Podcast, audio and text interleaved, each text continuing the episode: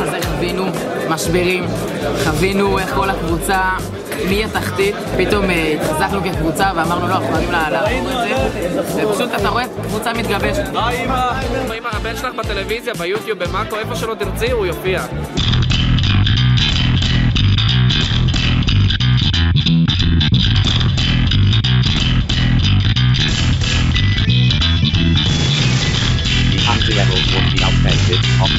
Before anyone started. Then on the page. Too sincere. Clearly regret. Backward. Wait. Naive. Anachronistic. Maybe that'll be the point. Maybe that's why they need the next real level. Real level. As far as I can see, with disapproval. בוקר טוב, צהריים טובים, אחר צהריים טובים, ערב טוב, לילה טוב ולפנות בוקר נהדר לכם. אתם מאזינים למשדר רשת, לי קוראים ארז. משדר רשת, פודקאסט בענייני השעה, שזה מה שמעניין אותי בשעה שבה אני מדבר. ומה שאני רוצה לדבר עליו הוא דווקא כן ענייני השעה, למרות שהשעה, אה, מי שמאזין בשעה שבה הוא מאזין, אה, סביר להניח שמה שמעניין אותו זה הבחירות ותוצאותיהן וכל זה. אז לא, אני לא הולך לדבר על הבחירות, אני לא הולך לדבר על תוצאותיהן, אני לא הולך לדבר על כל זה, אבל יש כמה נושאים שכן עלו בשבועות האחרונים, שמעניינים אותי ולו רק מה, מה שאפשר ללמוד מהם על מה שקורה ב, במדינה, ב, ב, בכלל, בשיח הציבורי, או כל הדברים האלה. הנושא הראשון שאני רוצה לגעת בו זה הנושא של אברי מנגיסטו.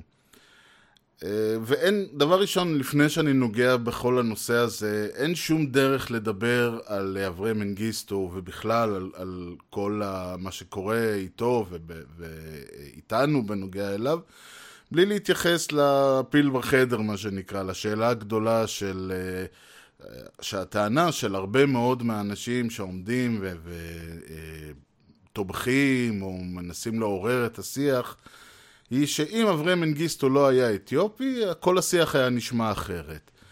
ולצערי הרב, אה, זה נכון לחלוטין, זה, זה נכון במאה אחוז. אם אברי מנגיסטו לא היה אה, אתיופי, אלא היה כמו גלעד שליט, או להבדיל, אה, כמו אלחנן טננבאום, היה מה שנקרא בשר מבשרה של האליטה, whatever, האשכנזית בישראל, אז כן, הדיון בנושא שלו היה אחר לגמרי. אני אישית לא חושב שזה היה משנה את דעתי, ואני אגיע אליה כשאני אדבר על מה אני חושב, אבל אין לי שום צל של ספק שהדיון במקרה שלו היה אחר לגמרי, אם הוא באמת לא היה אתיופי, וראינו את זה. כל מה שקרה עם uh, מחאת העדה בחודשים האחרונים, שאגב, חלק ממה שאפשר ללמוד מהמחאה הזאת, מעבר למצוקה שעדיין קיימת של העדה האתיופית, עשרות שנים אחרי שהסתיימו מבצעי משה ומבצע שלמה וכל המבצעים האלה שהעלו את רובה עם, uh, המכריע של העדה האתיופית לישראל, עדיין אפשר לראות את האפליה הקיימת, את הגזענות, את הבעיה שיש למה שמכונה העדה האתיופית במדינת ישראל. ואגב, אפשר גם ללמוד מזה, חלק מהעניין הוא גם למה לא קורה שום דבר במדינת ישראל, מכיוון שהמחאה עצמה באה ו- ועלתה כתוצאה באמת מאיזושהי מצוקה מסוימת, מאיזשהו הגיעו מים עד נפש. וראינו את זה שהאנשים יצאו לרחובות והמחאה הייתה יחסית אלימה, יחסית אגרסיבית, שוב, יחסית אני אומר, כי בינינו זה לא שהם אה, עלו על הכנסת ברובים או משהו או בדומה, אלא הייתה מחאה והיא הייתה מאוד מאוד אינטנסיבית. ואז היא הסתיימה, כי הוציאו את האגרסיות שהיה להם, הביעו את כעסם, צעקו ושרפו איזה מכונית או שתיים, חסמו כבישים, וחזרנו לחיים שלנו כאילו כלום לא היה, שבעצם באיזשהו מובן, אם, אם אני יועץ תקשורת או יועץ כלשהו ל, ל, לממשלה, אני אומר להם להפך, דווקא מתאים לנו הדברים האלה. אם זה... מי שזוכר, היה לפני כמה וכמה חודשים, דיברתי על הנושא הזה של uh, פורים, במובן שכל חברה דכאנית, אם זה במקרה של פורים, אז זה החברה היהודית, אבל בכל חברה כלשהי שיש בה אלמנט דכאני, שזה בדרך כלל דתות ו- ודברים כאלה, יש את האלמנט שאומר, אה, תנו להם יום בשנה, שבוע בשנה, כמה ימים בשנה, לשחרר את השסתום, להוציא את הקיטור, ואחרי זה הם יחזרו להיות אה, נתינים כנועים כמו שהם היו קודם, וזה בעצם מה שקרה, אה, באו, שחררו את העצבים, 20-30 שנה של כעס והתפרצו להם לפתע, ואמר, ואמרנו להם איזה יופי, והם חזרו לה, לאיפה שהם באו ושום דבר לא השתנה. ולכן אני חושב שזה מלמד, אה, במובן השלילי של המילה, על בעצם מה הבעיה של השיח הציבורי במדינת ישראל, שהוא לא הולך לשום מקום, וברגע שדברים לא אה, זזים לשום דבר, הם בדרך כלל נהיים גרועים יותר ויותר. כל דור ודור נולדים לאותו סיטואציה שההורים שלהם חיו בהן. עד שזה מביא לסיטואציה שבה קורה משהו אה, אה, קיצוני, אה, במקרה הזה מישהו שנהרג, אה, בחור שנהרג מאש של איזה שוטר, שאגב הנה גם כן כבר נעלם וכל הסיפור אה, תועתה מתחת לשטיח, אני לא יודע אפילו מה קורה, לא שמעתי כלום בנוגע לזה. ואז זה מוציא את כל החבר'ה הצעירים והזה, והכועסים לרחובות, והם אה, מוציאים את העצבים וחוזרים ושום דבר לא השתנה. אז רואים, אין ספק לי אישית, ואם אני חוזר לנושא של אברי מנגיסטו, שאם הוא לא היה אתיופי, כל השיח הזה היה נשמע אחרת. לטוב ולרע. למה אני אומר לטוב ולרע? מכיוון שבגדול השאלה פה היא לא האם אה, האיש אה, אה, נמצא במקום טוב. אף אחד לא טוען שהוא עכשיו יושב, עושה בעזה ובאיזה... ב, לא יודע מה, Club Med עזה, יושב רגל על רגל, מעשן נרגילה ומבסוט מהחיים. ברור לכולנו שהוא נמצא במקום לא טוב, הוא נמצא כרגע במעצר כלשהו, אני לא יודע אפילו איפה הוא נמצא, ויש טוענים שהוא בכלל בסיני, יש טוענים שהוא בעזה, אף אחד לא יודע מה המצב איתו. מה שכן, ברור שמה שלא יהיה הסיטואציה איתו, לא יודעים שום דבר על גורלו, אם הוא חי בכלל. ויותר גרוע מזה, גם לא שומעים על זה בתקשורת, לא שומעים על זה בשיח הפוליטי או השיח הציבורי. וכתוצאה מזה באו הרבה מאוד אנשים טובים, ובאו ואמרו, צריך להעלות את הנושא למודעות. צריך לבוא ולהגיד, כבר חמש שנים אברהם מנגיסטו יושב בשבי העזתי, וצריך לפעול לשחרורו, וצריך לפעול להצלתו. ופה יש בעיה. ואגב, הסיבה, ואמרו כמו שהיה עם גלעד שליט, כמו שהיה עם אלחנן טננבאום. אז צריך קודם כל להבדיל בין שני המקרים. גלעד שליט, ואני אומר עוד פעם, אני לא הייתי בעד, כלומר, אני הייתי בעד שחרורו, אני בעד שחרורו של כל אדם ש, שמוחזק אה, אצל כל גוף, אה, אם זה חמאס או חיזבאללה או מי שזה לא יהיה. אבל לא הייתי בעד כל ההתנהלות עם גלעד שליט. אה, אני לא חושב שהיה מקום לשחרור כזה המוני של אה, אה, עצירים, ועוד פעם, אני לא נכנס לשאלה מי הם העצירים, והאם בכלל יש מקום למדינת ישראל או לכל מדינה להחזיק כמויות כאלה של עצירים ביטחוניים, ולא נכנס לזה שעל ה... מה בדיוק הפשעים שהאנשים האלה ביצעו, ו- וכל הדיון הזה הוא דיון בעייתי. מכיוון שאם אני אומר שלא היה מקום לשחרר אלף אה, או כמה אלפי אה, אה, עצירים ביטחוניים, אני יוצא מהנחה שהעצירים האלה מוחזקים במדינת ישראל, כי כמו שאם אני עכשיו אלך, ו... ואלך ברחוב ואתחיל לירות באנשים, אז יכניסו אותי לכלא. זה לא אותו דבר, מכיוון שאני עושה את זה מסיבות כאלה ואחרות, והם עשו את זה מסיבות כאלה ואחרות. שיבוא מישהו ויגיד, מה, דם זה דם, רצח זה רצח. או יותר מזה, גם יש אנשים שנמצאים, עצירים ביטחוניים שנמצאים לא כי הם uh, הלכו והרגו, אלא כי הם הפגינו, או יזרקו אבנים, או כל, דבר, או כל סיבה אחרת ש, שתהיה, וחלק מהם מאוד לא מוצדקות, ולחלק האנשים האלה לא אמורים להיות כרגע מוחזקים במעצר ביטחוני. חלק, אני לא יודע. אבל נניח כרגע לדיון הזה, כי הוא לא דיון רלוונטי. הדיון הוא נצא מהנחה שכל העצירים הביטחוניים במדינת ישראל הם אכן אנשים רעים ש, שניסו לפגוע במדינה מסיבותיהם שלהם ולא רלוונטיות, כמו שמה הסיבות שאני, אם, אם מישהו הולך ויורה ברחוב באנשים, הסיבות שהניעו אותו לעשות את זה הן לא רלוונטיות. רלוונטי הוא מבחן התוצאה, האיש רוצח, צריך ללכת לכלא. ואין מקום לשחרר אותו. שוב, אני לא נכנס לוויכוח כרגע מי מה מו. נצא מההנחה שכל האנשים שמוחזקים כרגע כעצירים ביטחוניים צריכים להיות מוחזקים כעצירים ביטחוניים ואין מקום לשחרר אותם לפני תום ה... אה, לא יודע מה, כמה שהם צריכים לשבת שם. עכשיו באה מדינת ישראל ואומרת, אלא אם כן אתם תתפסו בן אדם אחד, שש... שאזרח מדינת ישראל, תחזיקו אותו אצלכם, בתמורה לזה אנחנו נשחרר את מי שתרצו. כמה שתרצו, את מי שתרצו, לאיפה שתרצו וכיוצא בזה. וזאת בעיה. זאת בעיה גדולה. דבר ראשון, למה שלא יתחילו, למה שלא ינסו לשבות עוד אנשים ועוד אה, אה, כיוצא בזה? ואז השאלה השנייה שנשאלת, האם בכלל היו מקרים כאלה בעבר האחר, הקרוב או הרחוק? והתשובה היא לא, לא ממש. אחד הדברים שאפשר לשים לב אליהם זה שכל האנשים שנמצאים או נמצאו בידי, בידי החמאס, בידי הפלסטינים, בחיזבאללה, וכל אלה לא נשבו מתוך שטח ישראל. המקרה היחיד שאפשר להסתכל עליו זה הסיפור שקרה לפני מלחמת אה, לבנון השנייה, שבה אה, חיזבאללה אכן פלשו למה שמוגדר כשטח ישראל ותפסו שם שניים או שלושה אנשים שהם למעשה נהרגו באותו, באותה פעולה. ואנשים, גופותיהם הוחזרו לישראל יחד עם אה, אלחנן טננבאום באותה עסקה מפורסמת. ויש לזה בעיה, אה, זה יוצא מהכלל המעיד על הכלל, מאחר והאזור שבו הם היו, והאזור שבו הם נתפסו, הוא אזור שלבנון או החיזבאללה טוענים ששייך ללבנון. כלומר, הם היו באזור שבעצם אומנם אה, הם היו, אה, אה, פטרלו על גבול ישראל, אבל בפועל, או לא בפועל, אלא לפי טענות החיזבאללה, זה לא גבול ישראל, זה שטח שלהם שאנחנו לא החזרנו לו כשיצאנו מלבנון.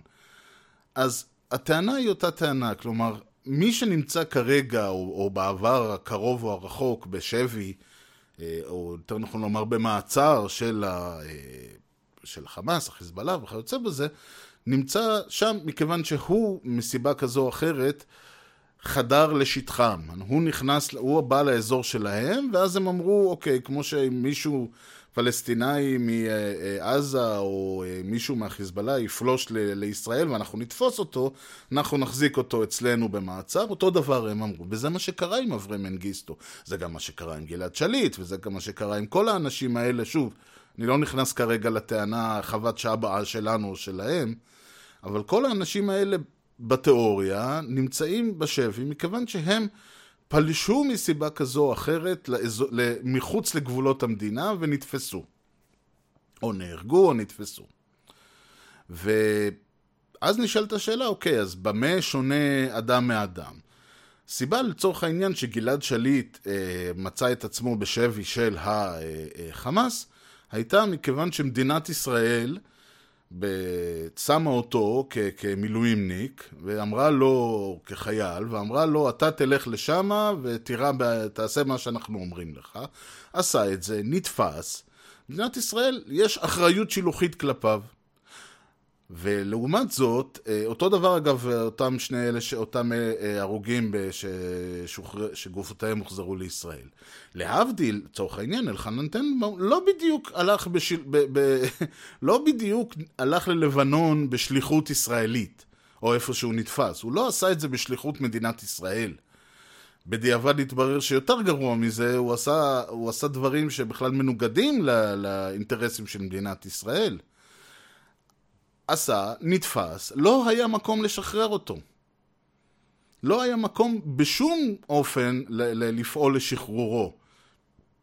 באותה מידה שאם כל אדם שעוצה את גבולות מדינת ישראל הולך ומבצע פשע, ו- ואפשר להגיד אגב, אה, לצורך העניין, שאברי מנגיסטו לא ביצע פשע וכיוצא בזה, אני לא נכנס לזה, אני תכף כן, אבל שנייה אנחנו נסיים שנייה מה האחריות של המדינה כלפי אזרחיה.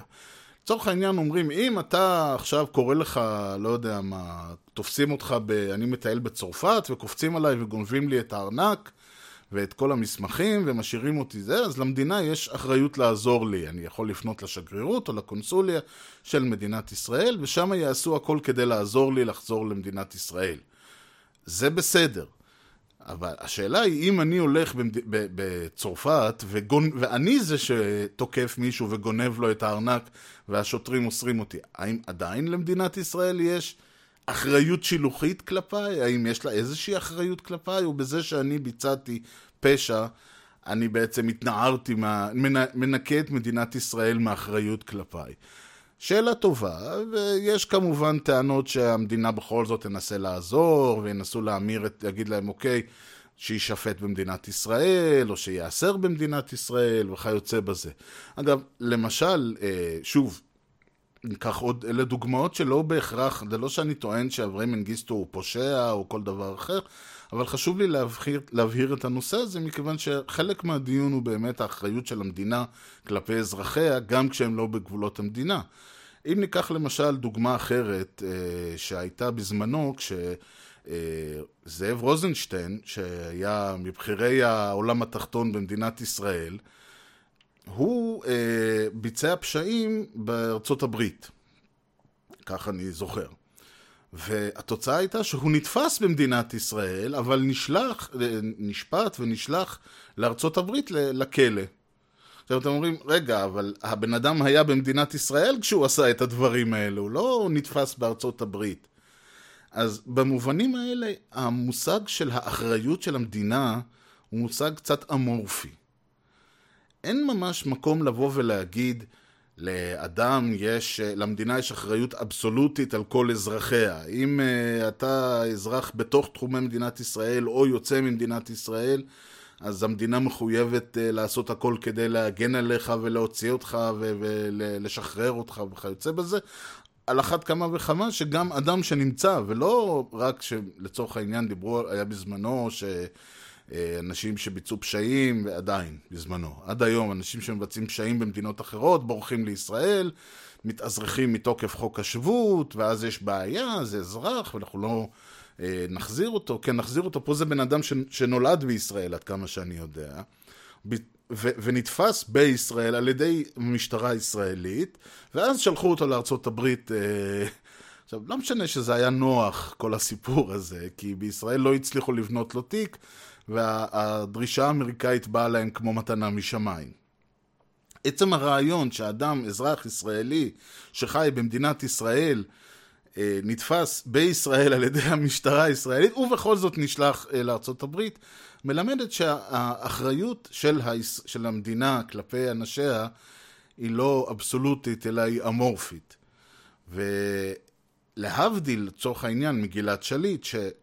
נשלח בשליחות המדינה לעשות מה שעשה בעזה, ואז נתפס, והמדינה ראתה לנכון את הצורך לשחרר אותו, ולא משנה שגם אז היה קמפיין ציבורי מאוד מאוד גדול ומסיבי, ששוב, אם uh, היה, uh, גלעד שליט היה אתיופי, יכול להיות שלא היה הקמפיין הזה, ולא היה כל הסיפור הזה. ולא משנה כל העובדה שההורים שלו היו uh, אנשים ש... ש- המשיכו לתחזק את הקמפיין הזה בציבור וכל הדברים האלה. כל זה, אה, שנייה נשים בצד. הרעיון הוא שזה שאדם הוא אזרח ישראל והוא נמצא בשטח, נתפס מסיבה כזו או אחרת מחוץ לשטחי מדינת ישראל, לא מבטיח לו אוטומטית את הגנת המדינה, אלא אם כן אפשר לבוא ולהגיד, ואגב, שוב, גם לנושא הזה יש אה, סייגים, למשל פולארד, פולארד לא היה אזרח ישראלי, הוא היה יהודי, זאת אומרת אזרח ישראלי בפוטנציה. הוא פעל בשליחות מדינת ישראל ב, אה, כשריגל לטובת המדינה בארצות הברית. זה לא עזר לו, ומדינת ישראל סגרה יפה את השערים של השגרירות ואמרה לו תישאר בחוץ, והוא נתפס על ידי אה, מי שתפס אותו, זה ה-FBI, ה-CIA.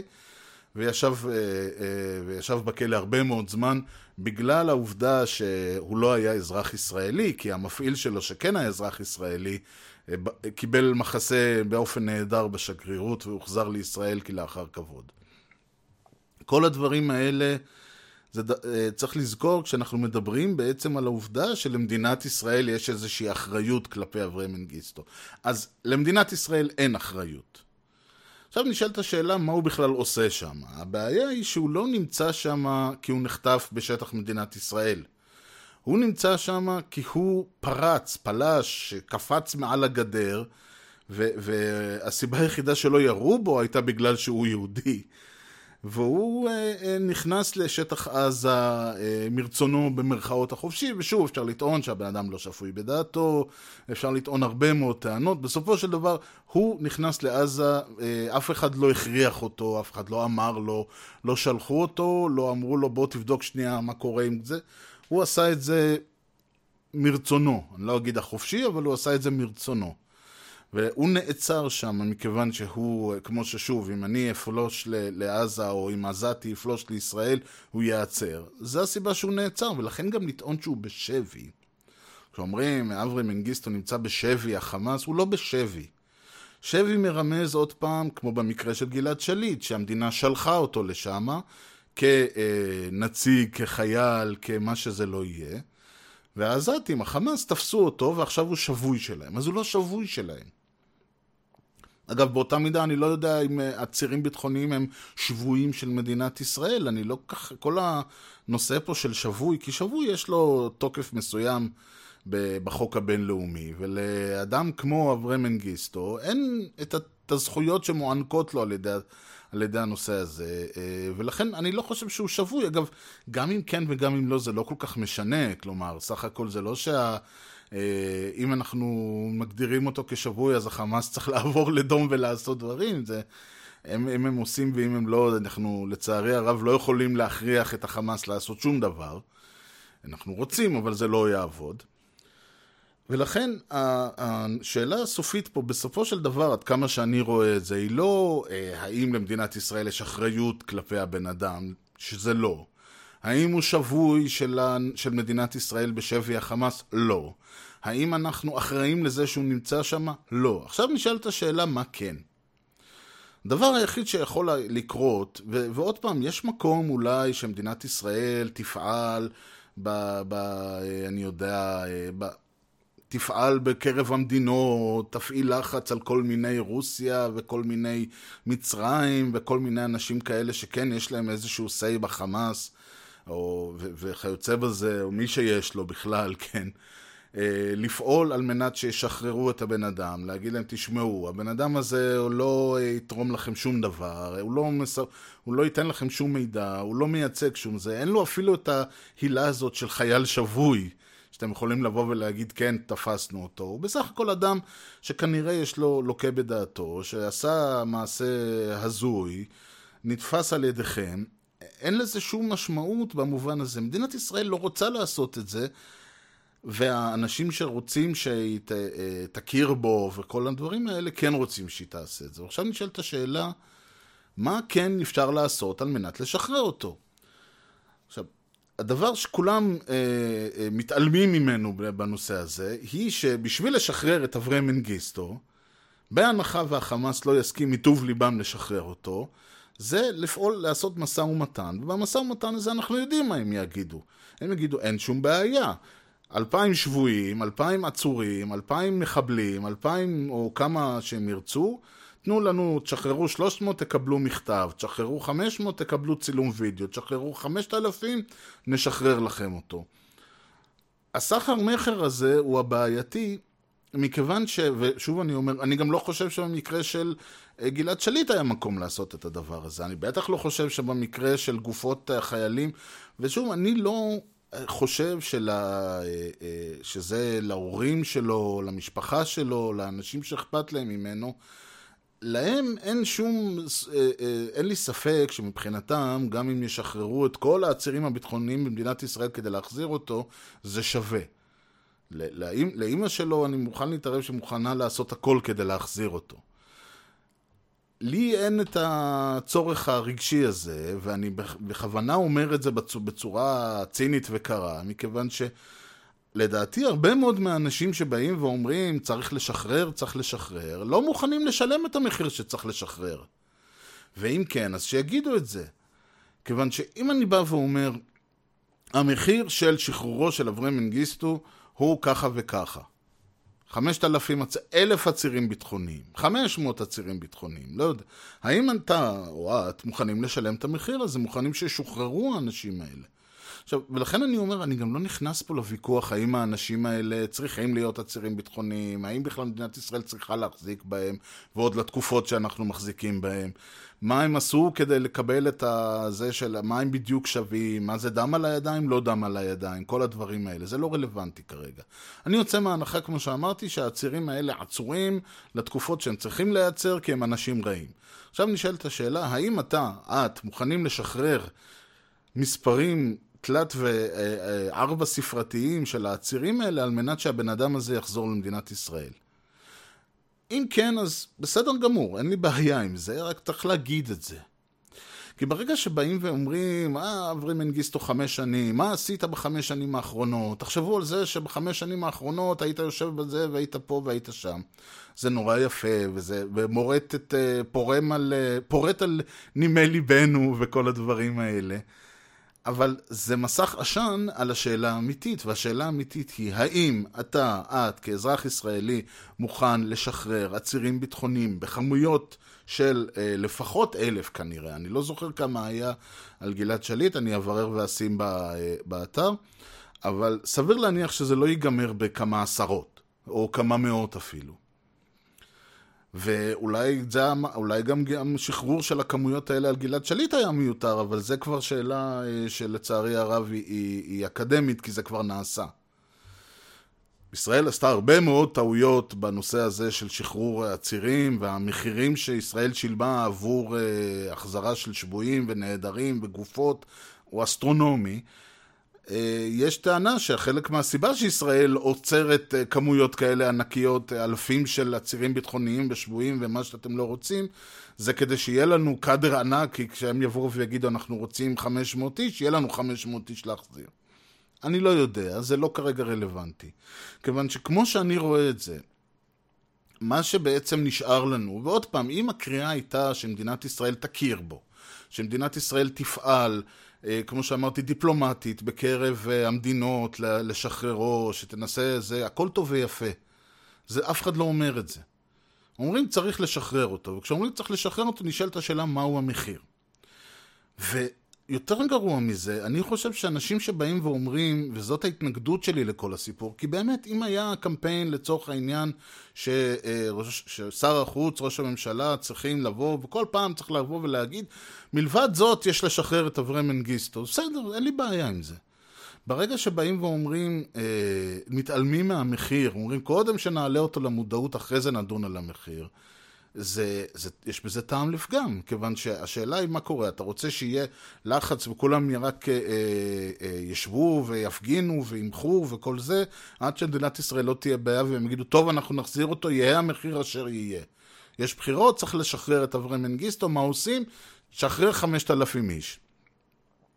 ברגע שלא אומרים את זה, ברגע שלא, המחיר הוא לא הופך להיות חלק אה, אה, מרכזי בקמפיין, בתנועה, בכל מה שזה. מה שנשאר לנו זה מה שמכונה באנגלית virtue signaling. זאת אומרת, אני, כן, אני תולה דגל, אני מנפנף, אני בעד. אני לא מוכן לעשות שום דבר תמורת העניין, אני לא מוכן לשלם את המחירים תמורת העניין, אני מתעלם לגמרי מהמח... מההשלכות של מה שאני אומר, העיקר לשחרר אותו. אני מאוד נגד virtue signaling, אני אומר שעדיף, אה, וזה אני אומר, ב, למרות שאני יודע שמה שאני עושה זה, זה אפשר לפרש אותו כ virtue signaling אחד גדול, אני יושב ומדבר למיקרופון, כן? אבל אני לפחות אומר, אוקיי, אני, יש לי, מוכן לשלם את המחיר של מה שאני אומר. אני מוכן לשלם את המחיר התודעתי שאנשים יגידו שאתה גזען, ואתה זה, ואתה בן אדם מגעיל, ו- ואיך אתה בכלל מדבר, ואם זה היה אחיך או הבן שלך, לא היית מדבר ככה וכל זה. אני מוכן לשלם את המחיר הזה. אה, גם כי זה נכון, אם, אם זה היה אחי או, או הבן שלי או אבא שלי או משהו כזה, לא הייתי מדבר ככה. ו- ואני בהחלט מגבה את uh, האנשים, ש- את קרובי המשפחה שלו, ואני אומר, אתם צריכים, אתם תעשו מה שאתם מאמינים. אני אין לי בעיה עם זה. אני יש לי בעיה עם אנשים שהם, אין להם קשר אישי אליו, ומאמצים אותו כבן שלהם, תוך כדי התעלמות מהמחיר. ויש פה איזשהו עניין, וזה מוביל אותי לנושא השני שאני רוצה לדבר עליו, יש פה איזשהו עניין שהמלחמה במרכאות, ואנחנו רואים את זה בחודשים האחרונים, אנחנו רואים את זה כבר המון זמן למעשה, וזה גם קצת מתקשר למה שדיברתי במשדר הקודם ברעיון שלי עם שוקי טאוסיק, וזה מתקשר להמון דברים שאני מדבר עליהם, זה מתקשר לחוק העליון של משדר רשת, שמי שקובע את הדיון במידה רבה קובע את תוצאותיו. ההנחה היא שהמלחמה במרכאות, שהקרב הוא על דעת הקהל. שזה אגב אה, בעייתי ברמות מטורפות, מכיוון שאפשר לחשוב, למשל, מי שיסתכל על מה שקורה באנגליה, שיש להם שם את הוויכוח על הברקסיט. הוויכוח שם הוא לא, נכון, אומרים צריך ויכוח בדעת הקהל וויכוח וזה, אבל בסופו של דבר יהיו לו תוצאות בשטח.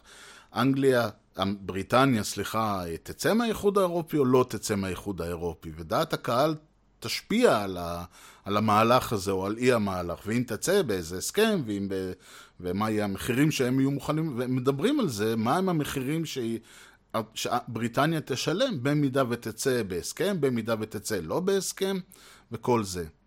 לבוא ולהתווכח על, על משהו בלי מחיר, בעצם מלמד שאין לוויכוח שום תוצאות בשטח, אין לו שום אה, דברים, אנחנו, זה לא ישנה כהוא זה את המצב במדינה. וזה מתבקש מהעובדה היא שאם אפשר להצביע על הישגו העיקרי של נתניהו בחיונו כראש ממשלה בעשור, בעשור האחרון, הוא על העובדה שהבן אדם השיג אפס הישגים באופן, אה, אה, באופן שיטתי. וזה, כמובן, יש לזה סיבה, שמי שלא עושה לא טועה, ומי שלא טועה נבחר שוב, כי אנחנו לא בוחרים מישהו שישנה, אנחנו אה, עושים נו נו נו למי שנכשל. מישהו נכשל, אנחנו אה, אומרים יופי, עכשיו תלך, נביא מישהו אחר. זו הסיבה למשל שמפלגת העבודה החליפו את המועמד שלהם לראשות הממשלה כל בחירות, כל בחירות, כי כל פעם הם באו ואמרו, לא הצלחת להיבחר לראש ממשלה, לך הביתה. לא משנה ש, שאתה אומר, רגע, אבל הרעיון הוא צריך לבנות איזושהי מורשת, צריך לבנות איזשהו דרך, צריך ל... ל אוקיי, לא הצלחת בבחירות הבאות, אבל עכשיו אתה מוביל את, ה, את המפלגה ל, ל, להישגים, אתה תהיה אופוזיציה, אתה תילחם, תעשו דברים, תראו את זה, ואז בבחירות הבאות אפשר לבוא ולהגיד, הנה, תראו מה הצד השני עשה, תראו מה אנחנו עשינו, בנינו ויצרנו. לא. אצלנו מענישים על כישלונות, לא בוחרים דרך. ומי שלא נכשל, מקבל את המנדט עוד פעם. ולא סתם נתניהו הוא היחיד שאפשר להסתכל עליו כ- כראש ממשלה במדינת ישראל, כיוון שהוא לא עשה שום דבר שאפשר להסתכל עליו כטעות, הוא לא עשה שום דבר שאפשר להסתכל עליו כהצלחה. הוא לא עשה כלום, אבל המצב, והמצב ממשיך להידרדר כמובן, אבל בסופו של דבר, השאלה היא אה, לא האם, מה המחירים ששילמנו על זה, אלא מה דעת הקהל אומרת. ואני אתן דוגמה מאוד פשוטה. לאחרונה, בחודשים האחרונים, עלתה הנושא הזה של אה, מצלמות בקלפיות. ואין לזה מקום כמובן, כיוון שכמו שאני עכשיו אלך ואצלם אנשים, לא כמו שאיימן עודה עשה, ש... שדחף את הפלאפון בפרצוף של נתניהו, שזה אגב היה קטע מדהים. הבעיה היא שאף אחד לא רוצה שיצלמו אותו. אף אחד לא מתאים לו שיצלמו אותו. וכשאני הולך לבחור, ויש לזה חשיבות מאוד, אגב, אם היו מצלמות, ומצלמות אבטחה, באופן מוסדר, באופן הגיוני, באופן שאפשר לבוא ולהגיד, אוקיי, אתה עד uh, השער הקלפי אתה מצולם, בתוך הקלפי אתה לא מצולם. אגב, אני לא יודע אם מישהו uh, uh, נת... מכיר, אני, רוב הקלפיות שנכנסתי אליהן בימי חיי היו בתוך חדר. כלומר, אתה נכנס לחדר, סוגרים את הדלת, או משאירים אותה פתוחה, ואתה בעצם, רק אתה וועדת הקלפי נמצאים. הבחירות אה, בבית שמש, שבאזור שלי, נמצאות באולם ספורט, כל הקלפיות מגודרות. זאת אומרת שאם אני רוצה, אני יכול לראות כל מי שמסתובב מסביבי, ולראות כל מי שבא וכל מי שלא בא. אז כבר הנושא של פרטיות הוא בעייתי בעניין הזה, אבל השאלה פה היא לא עד כמה פרטיות יש לאדם ועד כמה פרטיות יש לו אה, וזה, ולא שמים את המצלמה בקלפי, אלא שמים אותה מחוץ לקלפי. שורה תחתונה היא, במדינת ישראל 2019 עדיין, לאדם יש, התפיסה היא שהחשאיות, הפרטיות של הבחירה, מוענקת לו מרגע שהוא נכנס אה, בחדר, מרגע שהוא נכנס לחדר. עד החדר, כולם רואים אותך, הכל טוב ויפה, נכנסת לחדר, אתה, אה, אתה בעצם, יש לך את הפרטיות הזאת. כי באים ואומרים שההנחה ש... שהליכוד או הימין שמו מצלמות, ניסו להכניס מצלמות, הייתה כדי לגרום למצביעים הערביים להיבהל. רצו להכניס מצלמות כדי להפעיל עליהם לחץ. עכשיו נשאלת השאלה, אם עומד בחוץ מישהו ומצלם, וכל אה, אדם שנכנס, הוא מצלם אותו, הוא רואה אותו, זה א' כל בסדר, זה חוקי, אין עם זה שום בעיה, ועדיין אפשר לצלם את האנשים. אז מה ההבדל בין זה לבין להעמיד את המצלמה בפנים? וזה גם אפשר להגיד את זה גם בעד מי שבעד וגם מי שנגד. כלומר, מה ההבדל בין זה לבין מה שעשו בפעילי הימין? מסתבר שיש לזה הבדל. ההבדל הוא, ועוד פעם, יש לזה המון סיבות והמון דברים, ואחת הבעיות היא שלאנשים, כשאני מסתובב ברחוב ומישהו עומד עם מצלמה, אני לא מרגיש שהיא מכוונת עליי. כשאני בתוך הקלפי ויושב מישהו בוועדת הקלפי ומצלם אותי, ההרגשה היא אחרת לגמרי. ההרגשה היא שאתה עכשיו מסתכל עליי, שאתה מצלם אותי, שאני כאילו, הפעולות שלי הם... אה, אה, וזה לא משנה שלא מסתכלים מאחורי הפרגוד. הרי תחשבו לרגע שמישהו מצלם אתכם ואתם בוחרים. עצם ההרגשה שעכשיו אם אני שולח את היד ימינה או שמאלה, אם אני לוקח פתק ומחזיר, כל מה שקורה בפנים, כמה זמן אני עומד שם. וזה קצת נשמע מוזר, מכיוון שיש פה אנשים שיוצאים החוצה ושמים את הפתק במעטפה, ויש כאלה שלוקחים, הרבה פעמים, ואני גם עשיתי את זה, נכנסים עם הילד או עם הנכד, ונותנים לו לשים את הפתק, ואז הוא שואל, אמא, לשים את הפתק הזה, ואז כולם יודעים מה שמת. וכל העניין הזה הוא מאוד, ויש כאלה שיוצאים ואומרים, תשמעו, יש מעט מאוד פתקים של אה, המפלגה הזאת, ואז ברור לחלוטין שזו המפלגה שאתה בוחר בה. כל הדברים האלה, זה נשמע לאנשים ש, שרגילים ל, ל, לחופש הזה, ש, אז מה ה big deal? אז יש big deal. כיוון שברגע שאתה שם מצלמה, ברגע שאתה מגביל את, הח, את החופש את ה, של האנשים, אתה יוצר איזושהי הרגשה עליהם שהפעולות שלהם עכשיו הן מבוקרות. שאתה פותח פה איזשהו אה, פתח, וצריך לזכור שבחירות, בסופו של דבר זה ה... כי עד הבן אדם הרגיל, האזרח, או כל דבר, יש לו דעות. ודעותיו אה, בדרך כלל אה, אה, חשובות לו, וכמו שדיברתי על זה פעם, שהרבה מאוד מההגדרה העצמית שלנו זה הדעות שלנו, וכל זה. ובעצם, ולצערי הרב, לא רק בעצם, אלא בפועל, המקום היחיד שבו הפנימי, הדעה, האידיאולוגיה האישית שלי, מתגלמת לכדי משהו שיכול לשנות את העולם, ושוב, לצערי הרב זה המקום היחיד, כי אנחנו, כמו שאמרתי, כשיוצאים להפגין זה רק בשביל לצעוק קצת ולחזור, זה בבחירות. שם נוצר החיבור הזה בין הפנימי, בין האידיאולוגיה, בין הדעה, לבין החיצוני. שינוי פני המדינה, הכנסה של מפלגה כזאת או אחרת, הבעת אמון או אי אמון בראש הממשלה וכל הדברים האלה.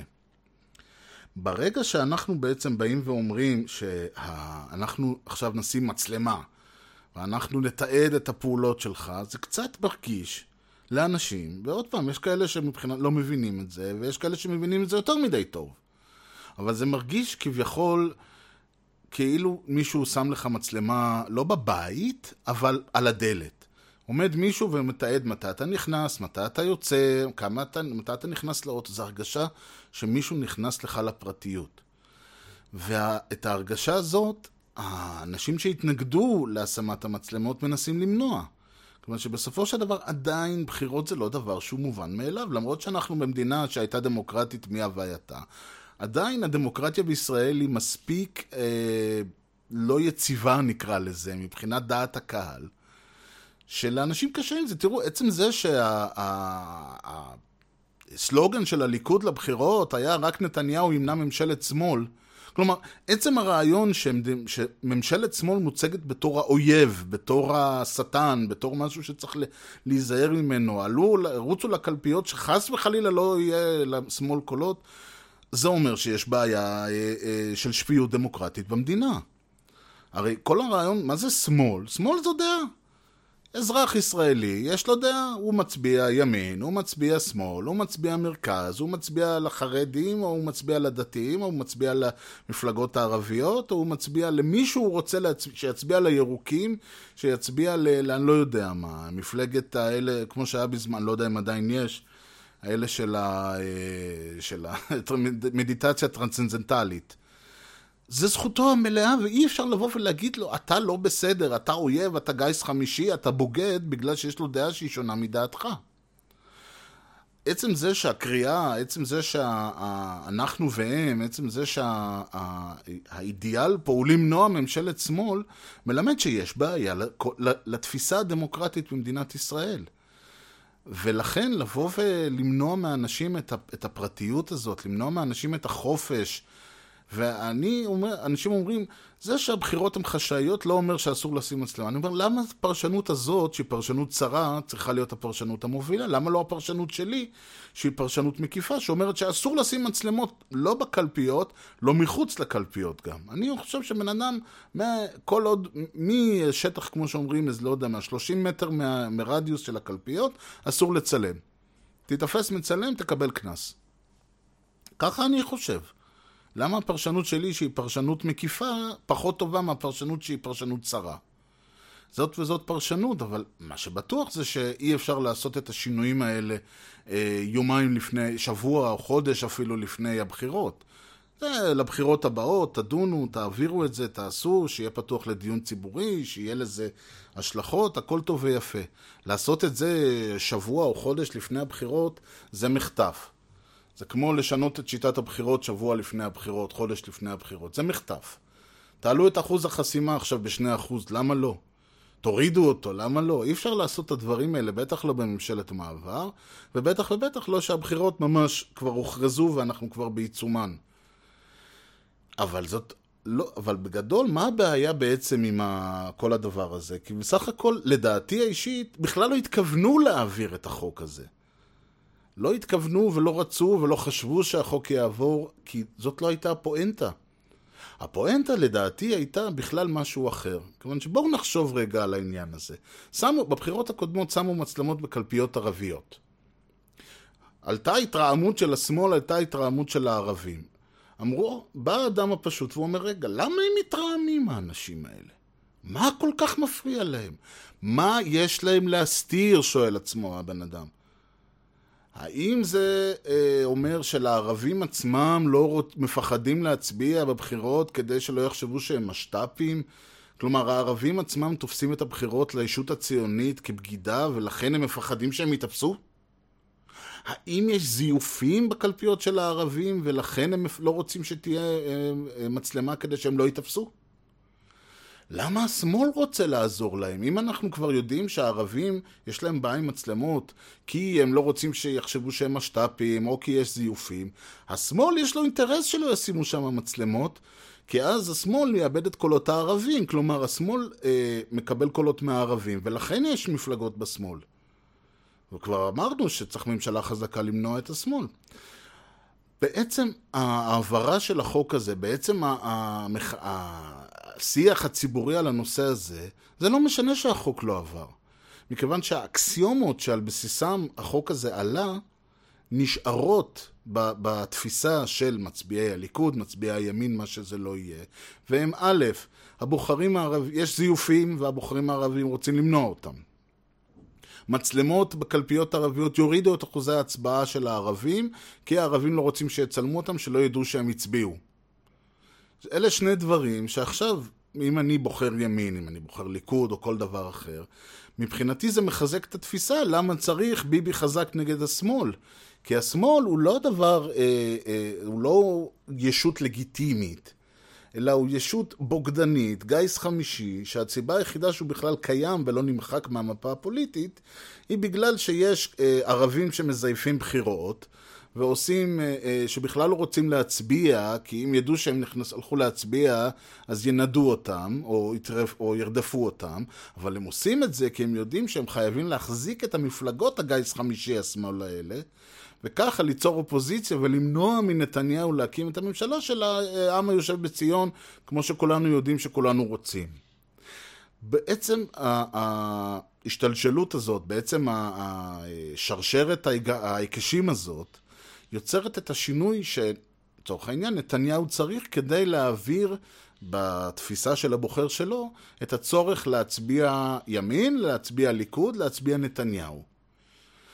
כי אחרת, אם נגיד תבואו לפני, אה, לא יודע מה, אפילו ב-77 או 81 או 84, או 88 אפילו, ותגידו, אה, בגין חזק ימנע ממשלת שמאל, שמיר חזק ימנע ממשלת שמאל, אנשים יסתכלו עליכם, מאיפה זה הגיע בדיוק? מה הבעיה בממשלת שמאל? מה רע בממשלת שמאל? ולא משנה שהיה לנו את אה, אימא של פרס ערבייה וכל השטויות האלה, פרס יחלק את ירושלים וכל זה. מה הבעיה בממשלת שמאל? זו הייתה ממשלה, זו ממשלה לגיטימית, ציונית, יהודית, כל טוב ויפה. אלא שמאז בעצם אה, רצח רבין, או אפילו לפני, ועד היום, השמאל, שתמיד היה אגב יפי נפש ואוהבי ערבים וכל הדברים האלה, עדיין לא הייתה דה-לגיטימציה של, ה- של, אה, של, דעה. של ציבור שלם, מה שנקרא, שדעתו הפוליטית היא מרכז ושמאלה, לא הייתה באופן בוטה ובאופן אה, אה, מוצהר כמו שיש עכשיו. עכשיו, אנחנו נמצאים כמובן בשיאו של תהליך, לא בתחילתו של התהליך. היו עוד הרבה, זה התחיל מהיפי נפש והשמאלנים והתבוסתנות והאוהבי הערבים, ופרס אמא שלו ערבייה, ופרס יחלק את ירושלים, וכו' וכו' וכו' וכו'. הגענו לזה, איך אומרים, אחרי uh, uh, תהליך ארוך ש, של uh, הידרדרות במדרון. ואנחנו לדעתי עוד לא, בס... עוד לא בשיאו של התהליך, יש עוד כמה, אפשר עוד להמשיך להידרדר, כי תמיד, כמו שאני אומר, כשחשבנו שאי אפשר לרדת מתחת לאיפה שאנחנו נמצאים, שמענו דפיקות מתחת לרצפה, מלמד שיש עוד כמה קומות מתחתנו. השאלה היא איפה עוצרים את הדבר הזה, או אם אפשר לעצור את הדבר הזה, מכיוון ששוב, ברגע שכל הדיון נעשה באופן אבסטרקטי, אין לו השלכות, לא עבר שום חוק. אף אחד לא נאלץ לבוא ולהיכנס לקלפי ולהצהיר, אני מבקש מכם לכבות את המצלמות. אף אחד לא נאלץ לעשות את זה כמו שאולי היה קורה אם החוק היה עובר. לא יצרה שום מחאה. לא ראינו את, ה, את האפקטים שלה. כי כרגע כל המחאה היא, וגם לא זה, זה שלא אומרים שמחר יעברו חוקים שיוציאו את השמאל מחוץ לחוק, יכול להיות שזה יקרה, אבל זה עוד לא קרה, כי כרגע הכל מנוהל בשיח. איפשהו עשור, עשור או עשורים של אי עשייה אה, ציבורית, מדינית, פוליטית, הובילו את העובדה לכך שהוויכוח היחיד בעצם, נמצא בשיח. וכשמישהו קם ומחליט לקחת, לעשות משהו בפועל, כולם נחרדים, איך הוא מעז לחסום אה, צירים, איך הוא מעז לשרוף מכוניות, איך הם מעזים ואיך הם מעזים, כי כבר התרגלנו לזה שלפעולות שלנו אין שום השפעה. עכשיו, אנחנו לא רואים את ההשפעה שלהם, וכשאנחנו רואים אותה היא מאוד מחרידה אותנו. אנשים בהלם איך, אנשים לא ישראלים, כן, בהלם איך רבע טיל נופל באיזה משהו ופוצע איזה ישראלי וכולם בהיסטריה מטורפת. בעוד שמדינת ישראל הורגת כל שבוע או כל חודש כמות של אה, פלסטינאים בעזה ואף אחד לא מתרגש מזה. כי התרגלנו לא להתרגש מזה, התרגלנו שכל השיח, התרגלנו שכל הדברים אין להם השפעות בפועל. אין להם תוצאה, אז חלק מהעניין הוא שלצד השני יש אינטרס להמשיך ולגרום ול, לדברים לקרות בשטח. שזה אגב אחת התוצאות לזה שהשיח, כשהשיח מנוהל אה, אה, בצורה אבסטרקטית, למי שלא נמצא בשיח יש אינטרס כל הזמן לעשות דברים שיזכירו לאנשים שלפעולות שלהם יש תוצאות. שיזכירו לאנשים שזה שקורה משהו במדינה הזאת, זה לא דיון, זה לא איזשהו, אתם יודעים, דיון אקדמי חסר אה, אה, תוחלת, אלא יש לזה השפעות ואנשים מרוויחים ומפסידים כתוצאה מהעניין הזה. אם אנחנו נשחרר את אותם אה, אה, אנשים, אז המשפחה של אברי מנגיסטו, את אותם עצירים ביטחוניים, אז המשפחה של אברי מנגיסטו תרוויח את הבן שלהם בחזרה, אבל אנחנו נפסיד, כן או לא, אני לא יודע, זו שאלה שצריך להעלות לדיון. אם uh, המצלמות האלה uh, יושמו בקלפיות, אנחנו נרוויח או נפסיד מזה. אנחנו כבר מרוויחים ומפסידים מעצם הדיונים האלה, מכיוון שמצד אחד אנחנו מתעלמים מההשלכות של הפעולות שלנו. מצד שני, בדעה הציבורית כל הזמן חלה הידרדרות.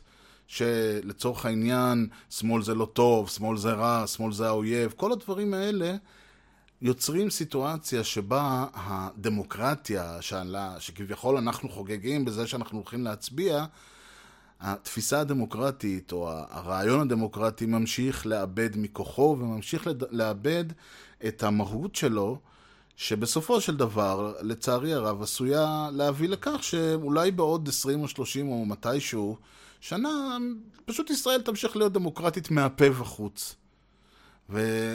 ואני לא יודע אם זה יקרה, אני לא יודע מה, אולי ישתנו דברים לכאן או לכאן, אני לא יודע, אולי באיזשהו שלב אנשים יחליטו שלהחלטות שלהם, לפעולות שלהם, לדעות שלהם, כן צריך להיות uh, תוצאה, ודברים יתחילו לזוז uh, uh, בשטח. אם לא, סביר מאוד להניח שהתוצאה הסופית תהיה שבעוד אי אלו uh, uh, שנים נקום יום אחד ונשאל את עצמנו, היינו דמוקרטיה פעם, לאן היא הלכה? Ladies and gentlemen, I'd like to present to you the internet. וזהו, עד כאן למשדרנו להפעם, זמננו אה, הגיע ל... זמננו תם, אם כי הוא אף פעם לא מסתיים, כמו שאתם יודעים. אה, אני בכוונה לא נוגע פה בכל ענייני הבחירות, ומי נבחר ומה נבחר, א', כי המשדר הזה מוקלט אה, ביום הבחירות עצמו, הוא לא מוקלט, ולכן אני עדיין לא יודע מהם תוצאות הבחירות, וגם זה לא רלוונטי, אני חושב שמה שלא יהיה השיח או הכיוון שמדינת ישראל אה, נעה בו לא הולך להשתנות מהיום למחר. על אחת וכמה וכמה אם אנחנו רואים את ההצהרות, גם אם אה, הולך להיות מהפך, ואני לא רואה את זה קורה, אבל גם אם הולך להיות מהפך במדינת ישראל, זה לא יהיה מהפך תודעתי, זה לא יהיה מהפך אלקטורלי. לא, זה לא אומר שהמדינה השתנתה מהיום למחר. המדינה לא השתנתה אה, אה, משלשום לאתמול, היא בטח לא השתנתה מאתמול להיום, היא גם לא תשתנה מהיום למחר.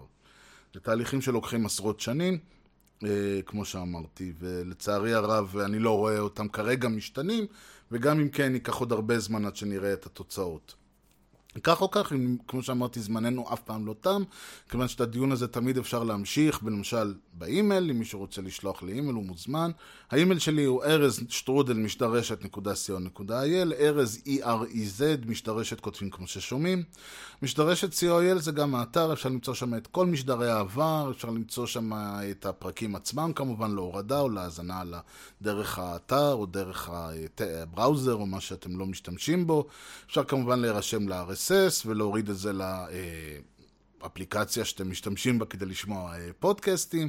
כל מה שדיברתי עליו, אם זה הערות, תיקונים, שינויים, הרי מקום, התייחסויות וכיוצא בזה, אם עשיתי טעות, אם עשיתי, רוצה, אם אני רוצה לחדד איזה נקודה או להביא עוד איזושהי זווית שלא היה לי זמן לדבר עליה, הכל הכל נמצא אה, באתר, רק צריך ללכת לפרק וללחוץ שם על הערות והרחבות או על הלינק לפרק עצמו, זה בדרך כלל יוביל אתכם לדף ששם מופיע כל האינפורמציה שאני מדבר עליה.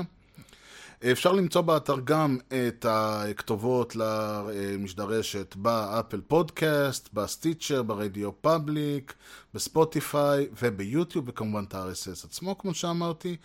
אפשר להמשיך את הדיון הזה ברשתות החברתיות, בטוויטר.com/ארז ובפייסבוק.com/משדרשת. ועד כאן להפעם, אני מקווה שנהניתם מהמשדר, ש... או שלא סבלתם, כמו שאוהבים להגיד אצלנו, אה, אוהבים להגיד אצל היהודים. אה, אנחנו, אני רוצה להודות לכם שהאזנתם, אנחנו נתראה במשדר הבא, ועד אז אני הייתי ארז, שיהיה לכם המשך יום נהדר, ולהתראות.